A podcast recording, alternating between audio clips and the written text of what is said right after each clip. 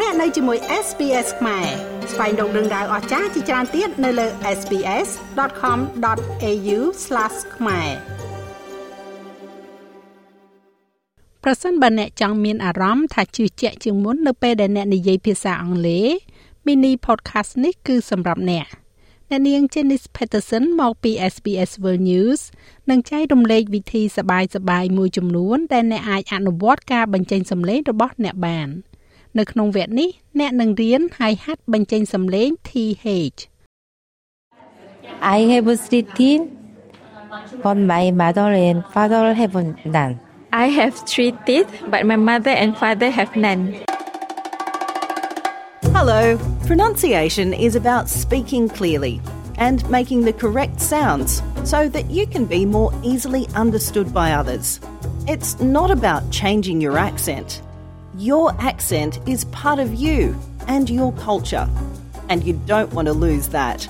We love accents. Practice your pronunciation with me, Janice Peterson from SBS World News. Do your kids get scared about going to the dentist? I'll let you in on a little secret. I get pretty worried too.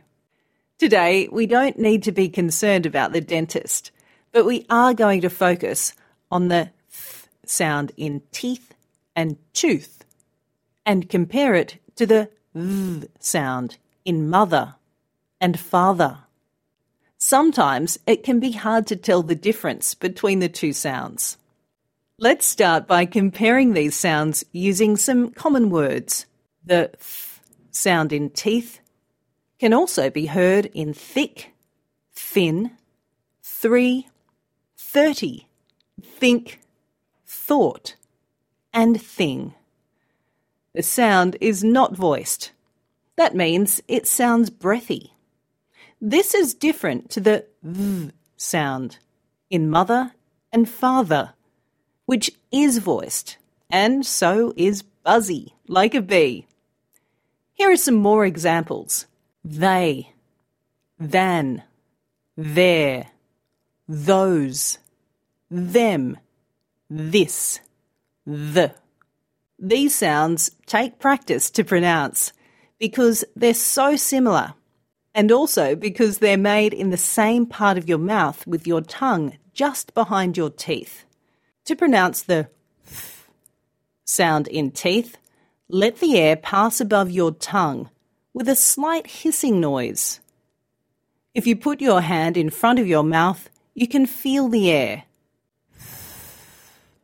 If you like, you can repeat the words with the sound with me.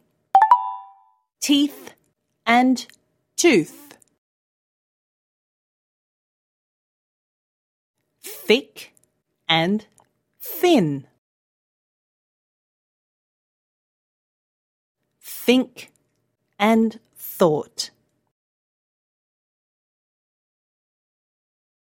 To pronounce the v sound in mother and father, let the air pass above your tongue and push it out with your throat. If you put your hand on your throat, you should feel a vibration. V. Repeat the words after me. Mother and father. They and them. This and that. Now, if you're ready, let's put it all together. This is a sentence I love using to practice these sounds with my kids because they think it's pretty funny. I have three teeth but my mother and father have none. We use the f sound in three and teeth, and the v sound in mother and father. Who do we have on the line? I'm Heather Jane. These are my students from the Chatswood Library. You might like to have a try with me. I have three teeth, but my mother and father have none. I have three teeth, but my mother and father have none. If you want, Give it a try really fast this time. I have three teeth, but my mother and father have none. But my mother and father have none. That was fun. Thanks, everyone. The two sounds have the same spelling, so it can be hard to know when to use them. You can work out when to use these sounds by the type of word they're in.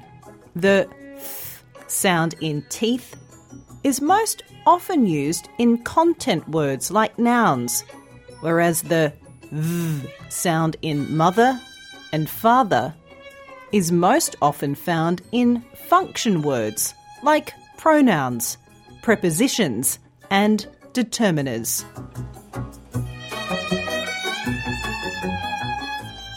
That's it for this lesson. You can go to sbs.com.au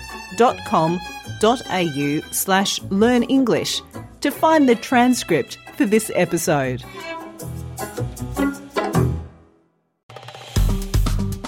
ចុច like share comment និង follow SBS ខ្មែរនៅលើ Facebook